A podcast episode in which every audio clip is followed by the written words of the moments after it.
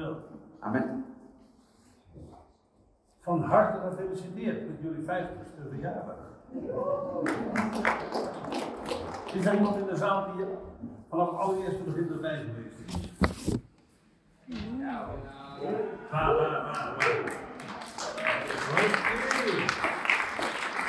Dan moeten jullie nog best aan het zonnetje zetten. Wauw, 50 jaar. Ik heb even staan uitgerekend, dat is 1 veertigste van de kerkgeschiedenis.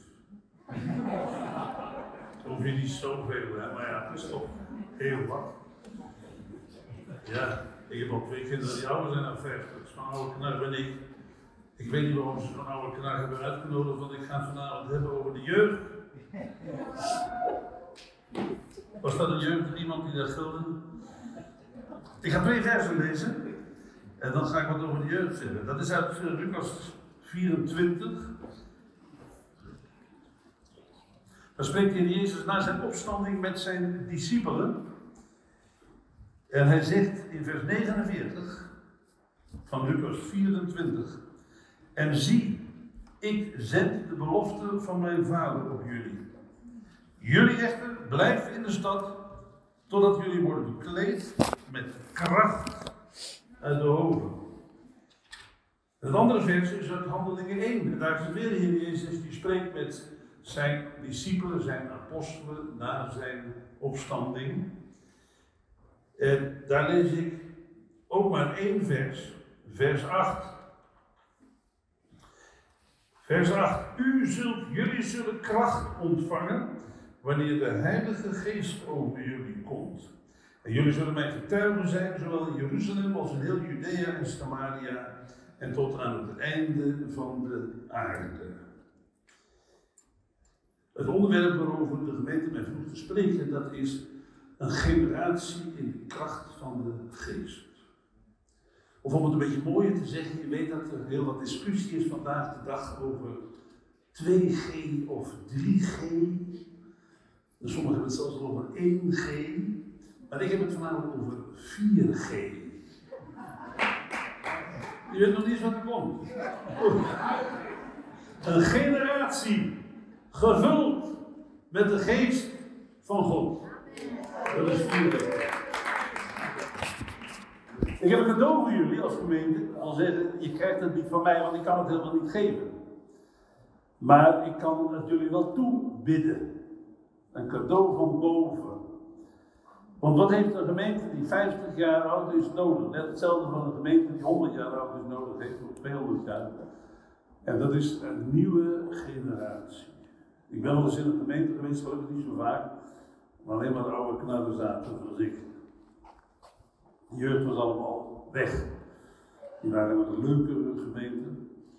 Trouwens net zo minder leuk als in een gemeente te zijn waar alleen maar jonge mensen zitten. Dat is niet de gemeente van aarde. Er ook wel die oudjes en dan die jongeren bij.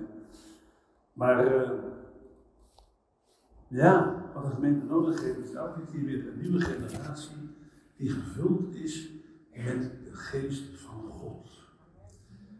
Want de geest van God, dat hebben we gelezen in de 24, betekent kracht. De Jezus zegt tegen zijn discipelen daar, ik zeg het dan met mijn woorden. Jullie hebben bekering gehad, je hebt wedergeboorte gehad. Jullie uh, weten van mijn verwachte werk, van mijn dood en van mijn opstanding. Jullie weten van vergeving van zonde, je hebt alles. En toch verroer je niet. Blijf zitten waar je zit. Want jullie hebben de geest nog niet. Je moet wachten tot je die geest ontvangt, dan pas kun je erop uitgaan. Het is niet genoeg om bekeerd te zijn, het is niet genoeg wedergeboren te zijn, het is niet genoeg te weten dat je de vergeving van je zonde ontvangen hebt. Wat je nodig hebt is kracht! Kracht van de Heilige Geest. En in handeling 1 zegt de Heer Jezus hetzelfde, maar dan in een ander verband. Dan gaat het over de vraag, uh, gaan we nu het koninkrijk van Israël herstellen? En dan zegt de Jezus, uh, daar ga ik het over. Dat doet de vader. Die beslist dan wanneer het gaat gebeuren.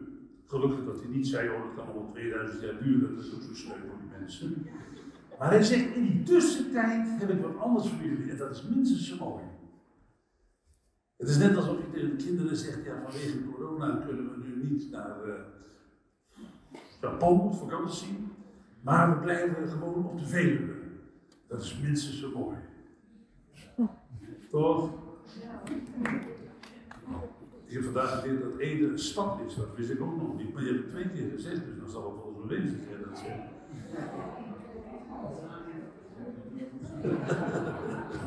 maar goed, dat is hier ook zo. Hij zegt dat koninkrijk, althans dat koninkrijk, macht en majesteit, dat duurt wel even. Maar in die tussentijd zullen jullie kracht ontvangen. Wanneer de Heilige Geest over jullie. Weet je waarom dat voor veel christenen moeilijk te begrijpen is? Omdat ze geleerd hebben, zeker in traditionele kerken, dat is waar wat er gezegd wordt, dat is dat de Heilige Geest een persoon is. De Vader is een persoon, de Zoon is een persoon, de Heilige Geest is een persoon, drie personen, toch één God. Heel belangrijk. En als je tot geloof komt, dan komt die persoon in jou wonen. Jouw lichaam is een tempel van de Heilige Geest, zegt Paulus. Maar als je die kant alleen maar weet, dan weet je niet genoeg. Want de Heilige Geest is ook een kracht. Over de geest spreken, dat is lastig, want je kunt het niet zien of voelen rechtstreeks. We kunnen beelden over spreken. En een persoon is eigenlijk een beeld. Zoals mensen personen zijn en engelen zijn personen, zo is de enige zoon ook een persoon. En de geest is een persoon. Die kan willen en die kan voelen en die kan denken en besluiten nemen. Maar de geest is ook een kracht. En alleen als je dat gaat snappen, dan snap je ook dat je van die kracht veel kunt hebben en weinig kunt hebben. En een persoon is en die persoon woont in jou of wel niet in jou. Maar van een kracht, dan weet je, daar kun je veel van hebben of weinig van hebben. Daarom zegt Paulus in Efesiërs 5, wees vervuld met de Heilige Geest. Je moet er niet genoegen mee nemen dat hij als persoon in jou woont. Je moet vol van hem worden.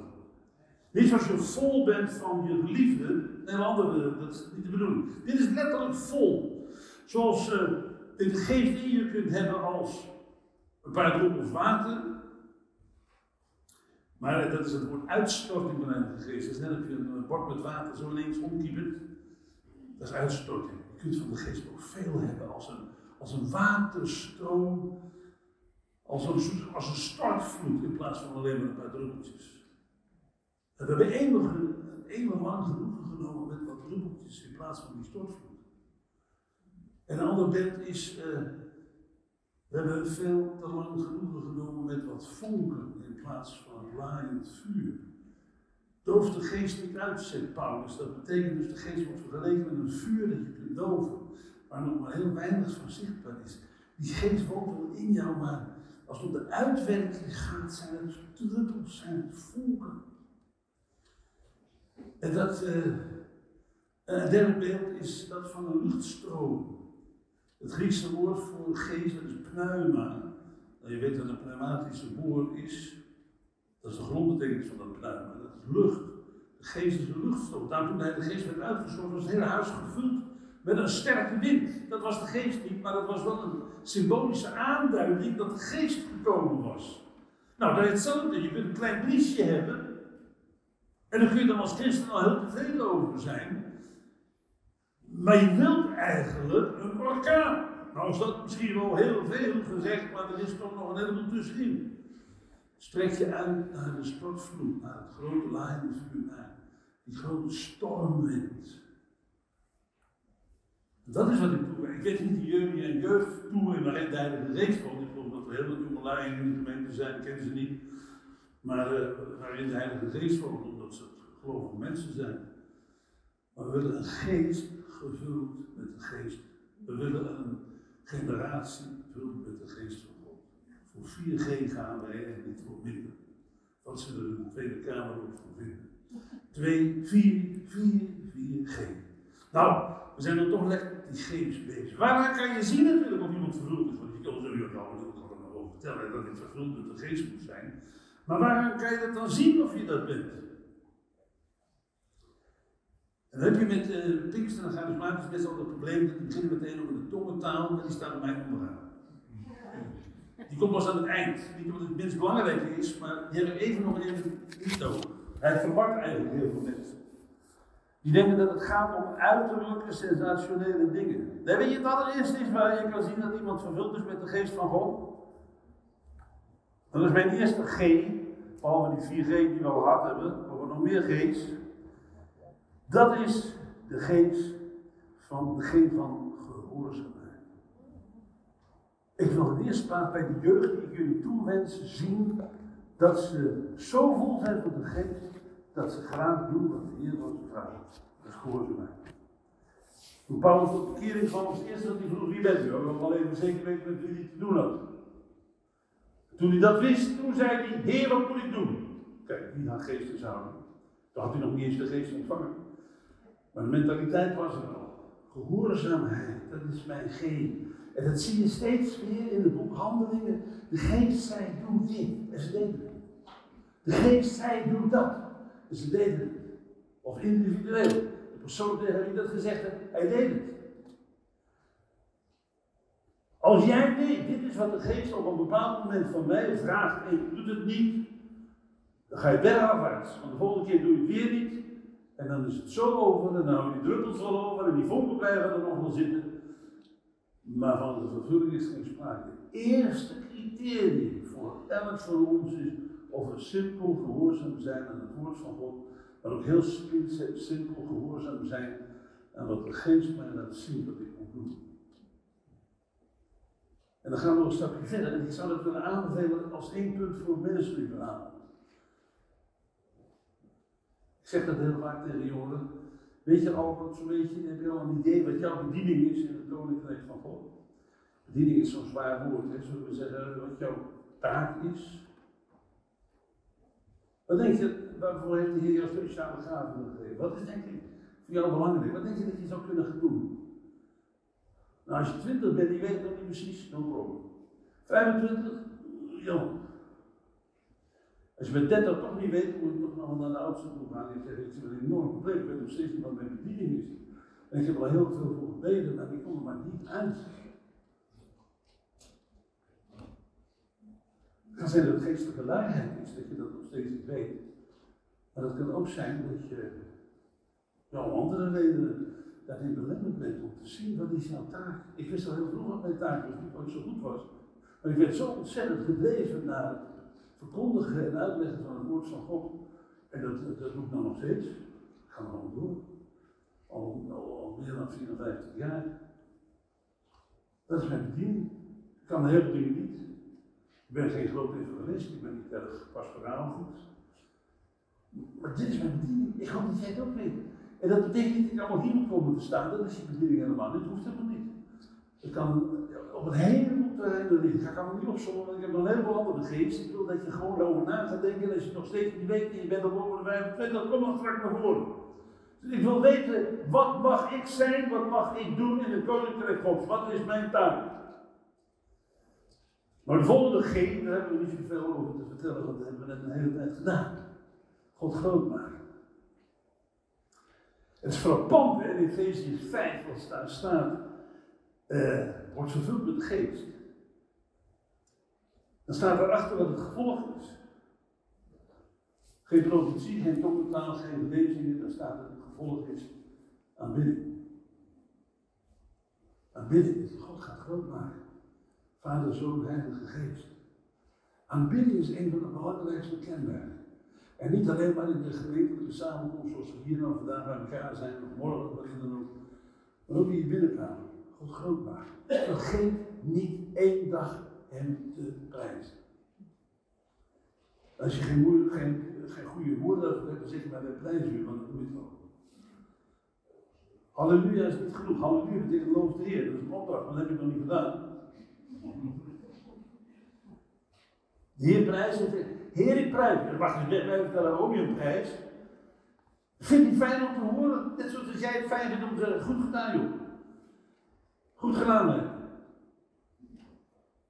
Het is misschien een rare vergelijking, maar God vindt het fijn dat mensen hem prijzen.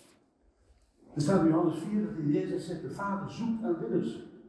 Er staat niet bij dat hij predikers zoekt, of evangelisten, of herders, of wat ook. Dat is op zichzelf wel waar natuurlijk. Maar als het om het zoeken gaat, dan staat er: de Vader zoekt aanbidders. Johannes 4, vers 23 24. Hij zoekt aanbidders. Dat is de tweede G. Daar zie je. Daar moet je over nadenken. Want ik neem daar een ander punt bij. Dat, dat is het bidden in de geest. Heb je dat wel eens gehoord? Het bidden in de geest. Dat vind je twee keer. Je vindt het in de brief van Judas en je vindt het ook in Efezië 6. In de, in de geestelijke. Die bestaat uit zes onderdelen waar mooie vergelijkingen worden gemaakt. Borstharnas en uh, helm en zo. Maar voor het gebed had Paulus geen uh, wapenrustingstuk. Hij wist niet wat hij daarvoor moest doen, denk ik zo. En toen zei hij nou gewoon bidden. Ik bedoel bidden. Bidden in de geest. Wat is dat bidden in de geest? Er is een natuurlijk bidden. Dat is niet hetzelfde vleeselijk bidden. Vleeselijk bidden is zondig bidden. Een natuurlijk bidden, dat is gewoon het vragen elke dag wat je nodig hebt voor jou en voor je gezin. Zelfs in onze vader staat, geef ons heden ons dagelijks brood, het geen schande om te bidden. Geef ons wat we nodig hebben, Heer, dan geef het aan mijn kinderen, geef het aan mij, ons gezondheid en bewaring in deze zware tijden. Maar binnen de geest, ik heb er ook een voorbeeld voor in onze vader. Als er staat, uw koninkrijk komen. Hé, hey, dan gaat het niet even over jouw behoefte, over die van je gezin, jij graag wilt ontvangen, wat jij zou willen zijn uh, met je gezin, maar dan gaat het even over Gods belangen. En dat, uw koninkrijk komen, dat betekent niet, oh Heer, komt toch spoedig terug, zodat uw koninkrijk in heerlijkheid en majesteit hier op aarde bevestigd wordt. Ik denk dat het vooral dit betekent, Heer, hier ben ik. Wilt u door mij heen uw koninkrijk uitbreiden in deze wereld? Dat is, als ik het zo onderscheiden mag, binnen in de geest. Dan gaat het niet om mijn belangen, of de belangen van mijn gezin, of de belangen van mijn gemeente. Dan gaat het over Gods belangen. Gods belang is bijvoorbeeld, wat voor plannen heeft hij in eten? En alle andere gemeenten die er zijn, wat voor plannen heeft hij met de schaapwagen? Hoe wordt zijn koninkrijk zichtbaar op de Veluwe? Waar nog zoveel godsdienstige mensen zijn en zo weinig is, bekend is van de kracht van de geest, en ik even zo zeggen. Binnen de geest. Denk eens over na hoe jouw gebeden eruit zien. Want vaak is het zo, dat zeg ik ook voor mezelf, dat toch een heel groot deel gaat over onze belangen. En ga eens voor het eerst, als je nog eerder misschien het eerst voor je leven, ik zeg dat vanaf tegen de jeugd vanavond, ga eens nadenken over hoe zouden we nou kunnen bidden voor Gods belangen? Bijvoorbeeld dat zijn koninkrijk door mij heen verder uitgebreid wordt. Door mijn getuigenis, door mijn handel en wandel, door mijn gehoorzaamheid, door mijn toewijding, wat dan ook. Dat gaat over Gods belangen. Wauw. Ik heb nog iets voor die generatie. Gevuld met de geest van God. Dat is een andere G. Als iemand mij zou vragen, probeer eens het christenleven in een paar woorden samen te vatten. Waar gaat het met het christenleven? Dat een van de dingen zijn die Robert straks ook al genoemd heeft. Gelijkvormig te worden aan Christus. Dat is ouderwetse taal, dat betekent meer op Christus gaan lijken. Er zijn ook die zware Veluwe, waar nogal wat mensen bezig zijn met de uitverkiezing. Prima, ze dat zijn. Ze beginnen erover de vraag wel eens, en waarvoor ben je dan uitverkozen? Want als ik tegen jou zeg, ik heb jou uitgekozen, dan is toch het eerste wat je zegt, waarvoor dan? Niet om straks de afwas te doen, daar heb je geen behoefte aan. En als ik tegen die mensen willen zeggen, waarom zijn jullie dan uitverkoren? Ik zou je vertellen, dat staat in Romeinen 8 vers 29. Hij heeft ons tevoren bestemd opdat wij op zijn zoon zouden gaan lijken. Wauw.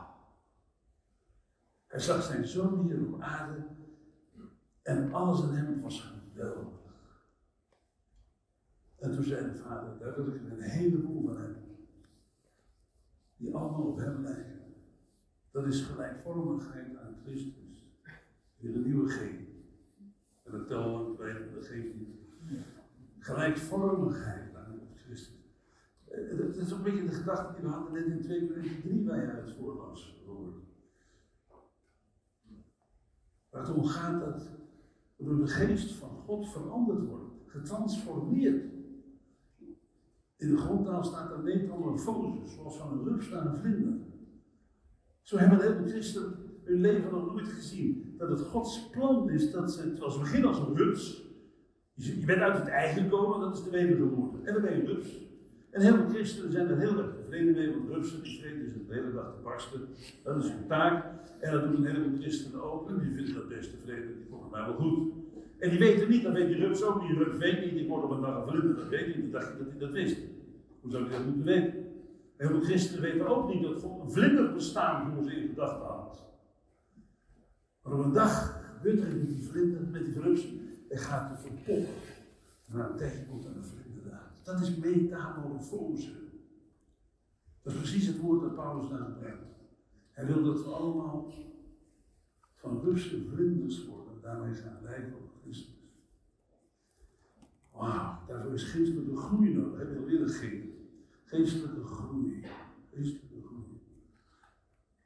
Niet zo makkelijk als je jong bent. Hoe weet je of je geestelijk groeit? Ik was nog, zelf nog redelijk jong. Aan het eind van het jaar, zijn we nog weer bijna, vroeg ik aan mijn vrouw en denk je dat ik dit jaar nog geestelijk een beetje gegroeid ben. Het was helemaal stil, dat was wel een beetje zorgelijk. Dat is ons zeggen, een beetje wel geloof ik. Dus als je zelf niet weet of je geestelijk gegroeid bent, dan vraag ik maar aan je of aan je vrouw of aan je beste vriend of vriendin. Die willen vaak wel meer kijken dan jij zelf. Geestelijke Ik, wens jullie een generatie toe die geestelijk gaat groeien, net zo dat ze net zo wijs en volwassen en rijp zijn als jullie ouderen. Weet je wel? Dat wens ik jullie toe. Of dat wat jullie ouderen hadden moeten zijn tegen deze tijd. Wil je dat heel mooi vinden? Ik heb nog een geven jullie. Er is een moment op het Loofhuttenfeest dat Jezus over het tempelplein roept. Wie in mij gelooft, zoals de schrift zegt, stromen van levend water zullen uit zijn binnenste vloeien. Uit zijn binnenste, letterlijk staat er uit zijn ingewanden. De werking van de geest, die kan ook bij het hoofd komen. Soms moeten we nadenken en redeneren en analyseren, en combineren en deduceren. Soms komt hij uit de voeten, dan gaat het puur over de wandel. Maar de Jezus heeft het over de ingewanden. De ingewanden zijn mooi, er staat heel vaak in de evangelie dat de Jezus met ontferming bewogen. Er staat er letterlijk, zijn ingewanden kwamen in beweging. Als je een ziekte aan je darm hebt of aan je maag, zeggen de geleerden zeggen dat er 80% door psychische zaken veroorzaakt wordt. Spanning in je leven, wat dan ook. En alle volkeren wisten dat al die ingewanden hebben te maken met gevoel.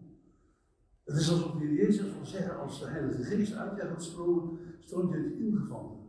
Een van de eerste tekenen dat de, van de Heilige Geest gaat werken in de jonge generatie, is dat ze bewogen worden met anderen.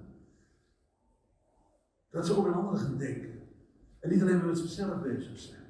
De een is van nature egocentrischer dan de ander. Maar als je door die geest wordt vervuld en aangeraakt, dan zie je dat er bewogenheid komt naar anderen toe. En dat is een van de mooie dingen. Dat is een ontzettend belangrijk in de gemeente. We leven in een tijd van individualisme. En dat betekent dat zo'n gemeente dan gevaar loopt een optelsom van individuen te worden. Die allemaal zitten voor hun eigen belangen. Dit is een gunstige gemeente. Het is makkelijk te bereiken. Er is voldoende parkeerplaats. Er is een crash voor de kinderen. Nou, dan heb je toch de belangrijkste voorwaarden waar een gemeente aan moet voldoen. Ja. En je zit hier omdat jij je prettig voelt. Als je je niet prettig voelt, dan kun je altijd nog naar een andere gemeente toe. Dat is zo ontzettend gevaarlijk. De gemeente als een optelsom van individuen die er allemaal in feite, zonder dat ze doorhebben, daar zitten voor hun eigen belangen. Terwijl je er eigenlijk zou moeten zitten, als je begaan bent met al die andere christenen. En je. Kleine kinderen in de gemeente, dat zijn diegenen die als er moeilijkheden zijn, dan roepen ze de meteen bij, of de oudsten, of pastorale medewerkers, of ze moeten heen, want die moeten dan meteen bij de bed komen te staan. Dan zijn het kleine kinderen. Die roepen ook binnen dan mama, mama, meestal mama. Dat zijn mensen die nooit volwassen worden. Want als ze volwassen zouden worden in de gemeente, dan gaan ze zich juist bekommeren om die anderen. Wat kan ik zijn voor een ander? Wat kan ik betekenen voor een ander? Als je dan toch bezig bent na te denken over de taak in de gemeente, zou dat een voorbeeld kunnen zijn. Wat kan ik zijn voor een ander? In de tijd die Jezus over spreekt. De geest gaan stromen uit je. Uit de plaats van het diepste medegevoel met anderen. Ik heb nog een voor die generatie die vervuld is met de geest van God. Die 4G-generatie. En dat is uh, getuigen. Hoe voller je bent van de geest van God, is te makkelijker is om te anderen. Hoe minder je daarvan vervuld bent, is te moeilijker vind je het ook om te getuigen. Ga we even naar, weten al die buren dat je een christen bent? Ja, want ze zien de morgen altijd wegrijden terwijl anderen nog bed. Ja, dat is een manier waarop ze kunnen zien. Heb je nog iets sterkers? Heb je er over gepraat? En eh, als je een nieuwe baan krijgt, zorg dat zo gauw mogelijk al je collega's weten dat jij christen bent.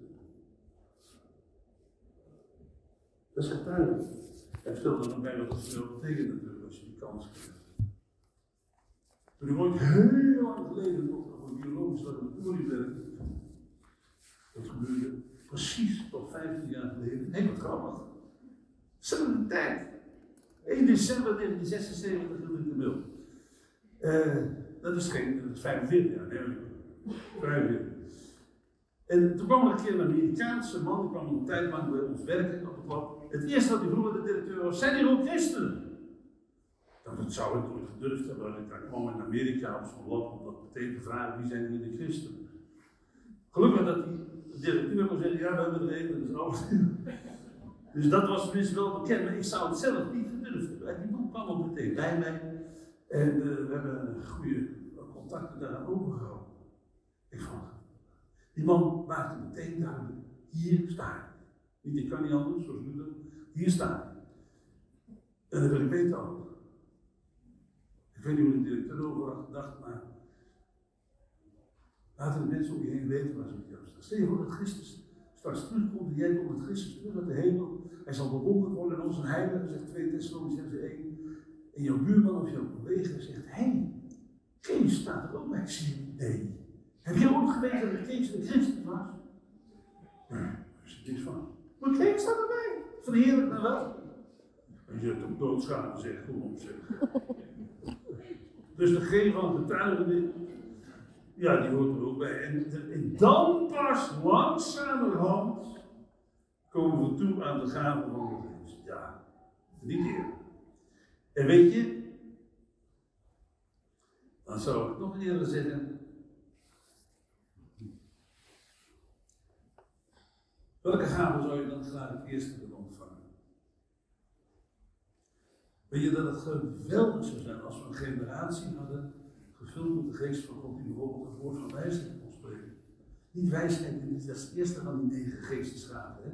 Niet wijsheid alleen maar in de zin van. Uh, Iemand met praktisch inzicht en gewoon dingen, dat is een natuurlijke gave. Dat hebben sommige mensen, minder. Nee, dit is van de Heilige Geest. Al die gaven zijn boven natuurlijk. Ook het woord van wijsheid. Of het woord van kennis. Een generatie die onderscheiding van de geesten heeft. Niet op grond van gewone natuurlijke mensenkennis. Maar onderscheiding van de. Bijvoorbeeld onderscheiding van wat voor geesten ergens werkzaam zijn.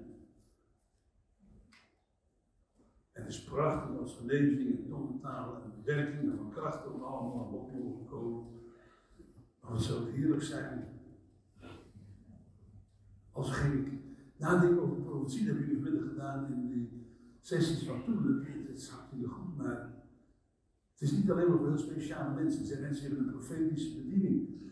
Maar je zou willen dat in de jongere generatie, het allemaal als woorden ontvingen om heel die profetie te noemen, maar het is het wel een woord waarbij ze over een ander uitspreken, dit of dat. Ik geloof dat de Heer het dat tegen jou of dat. Zie je, als je vervuld wordt met de geest, het is haast op de zon. Hoeveel verschillende aspecten er aan de orde komen. En ik heb straks gezegd, als je in de ministrie straks voor je wilt bidden, laat het dan bijvoorbeeld zijn over de vraag of de bediening van het hebben in de gemeente van God, of het koninkrijk ik wil daar meer duidelijkheid over. En als je al veel ouder bent dan 25, veel ouder dan 30, dan kom rustig dat vragen. Het gevoel hebt, zet ik mij wel genoeg in Gods koninkrijk, of ben ik te veel bezig met mijn eigen belangen. Als het gaat de gelijkvormigheid van, naar Christus toe. Het groeien naar Christus toe Als je daar vragen over hebt, zoals ik dat naar mijn vrouw toe had, die heel lang moest nadenken, als je daar vragen over hebt en je zit ermee, die worden weggenomen. Mensen moeten jou weten wie de Jezus is. Er zijn ook veel misverstanden over, want de Jezus was echt niet altijd liefde. Hij was vol liefde, maar hij was niet altijd lief. Dat verwarrt veel mensen. Johannes 6 staat dat de mensen zeiden, wat hij zegt, het is hard, het is niet te verdragen, we gaan weg, dat willen we niet meer aanhoren. Hij was niet altijd lief. Hij pakte een stuk touw en veegde het tempelplein schoon. En hij was woedend. Hij was niet altijd lief. Hij zei, wee u fariseeën, dat betekent Gods oordeel mogen over jullie komen. Maar de mensen in nood, de mensen die God nodig hadden, de mensen die voor open stonden, was hij ontzettend lief Hij zou heel gevoelig worden. Op Christus lijken betekent niet dat je een watje wordt. Zo'n half zacht eitje. Al die aspecten die in Christus aanwezig zijn. Daar strekken we ons naar uit. Niet dat we allemaal in één persoon terug zullen zien, maar een aantal. Wel in die hele generatie. Wel in die gemeente als geheel. Dat we al die aspecten terugvinden van Christus in al die verschillende leden van die gemeente. Als je zegt, misschien in de kort, kom dan straks naar voren. Als je zegt, ik schiet tekort in bewogenheid, ik ben te veel met mezelf bezig, ik heb ook nog problemen in mijn leven, dan ben ik zo vol mee.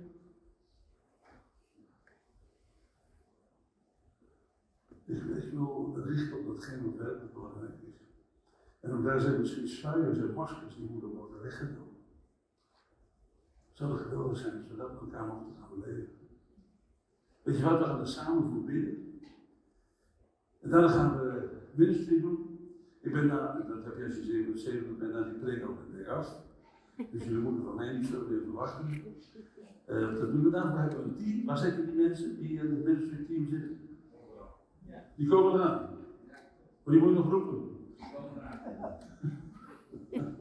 Oké, okay, die komen eraan. Ik weet niet waar vandaan, maar dat, uh, dat weet Robert wel. Die gaat daar aan.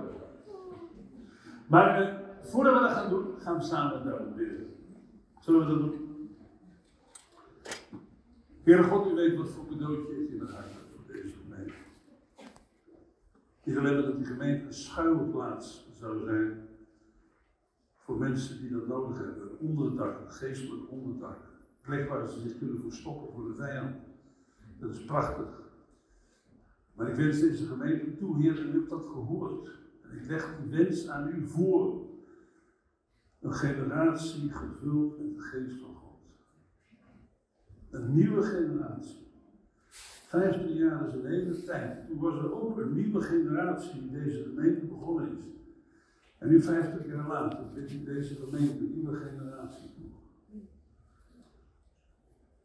En deze generatie heeft allerlei dingen nodig, hadden we geen ministry nodig.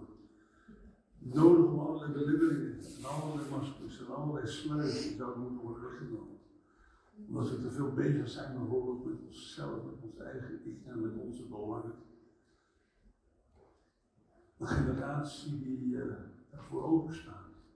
Om te gaan onderscheiden wat de bediening is in de gemeente, in het koninkrijk Gods, die hij of zij mag gaan uitvoeren. Waar, want dan zullen ze ook weten, Heer, waarvoor ze de bekwaamheid nodig hebben. Welke bekwaamheden ontwikkeld moeten worden om die taak te kunnen uitvoeren. Heer, ik bid dat we nog meer de geest van aanbidding, van bidden in de geest mogen ontwikkelen. Ik bid dat we nog meer mogen gaan lijken op de Heer Jezus. Zodat de mensen hier omheen zullen we zeggen wat dat is. Wat dat is met die mensen in de schouwplaats, weet niet precies, maar ze lijken sprekend op de Heer. Heer, ik bid u dat mensen die daarin nog allerlei belemmeringen voelen, straks naar zullen komen. Om voor zich te laten bidden. Dat we in de vrijheid gesteld mogen worden. En verder mogen gaan, geestelijk groeien. Heer, ik bid dat we meer bewogenheid mogen ontvangen, meer gevoeligheid. Dat uw geest mag gaan stromen uit onze ingewanden. Uw woord zegt dat Gods ingewand rommelde over Ephraim. Hij was bewogen met Ephraim. In zijn ingewanden voelde hij dat zo, zegt de profeet. Hier geeft ons meer bewogenheid voor elkaar, bewogenheid voor de gemeente als geheel. Bewogenheid bij de leiders van de gemeente naar de gemeenteleden toe. Help ons hier om trouwe getuigen te zijn. Heer Jezus, u hebt het gezegd. Jullie zullen mijn getuigen zijn tot aan het einde van de aarde. Neem alle schaamte bij ons weg. Neem de belemmeringen weg die dat uh, zouden kunnen verhinderen. Zet ons in de vrijheid, Heer. Dank u wel, we leggen alles bij u neer. Laat de ministerie de zegen mogen zijn. Leggen het in uw handen. Loven en prijzen bij voorbaat voor wat u ons wil doen. Amen. Amen. Amen. En nu dat Robert de minister voor zijn toon.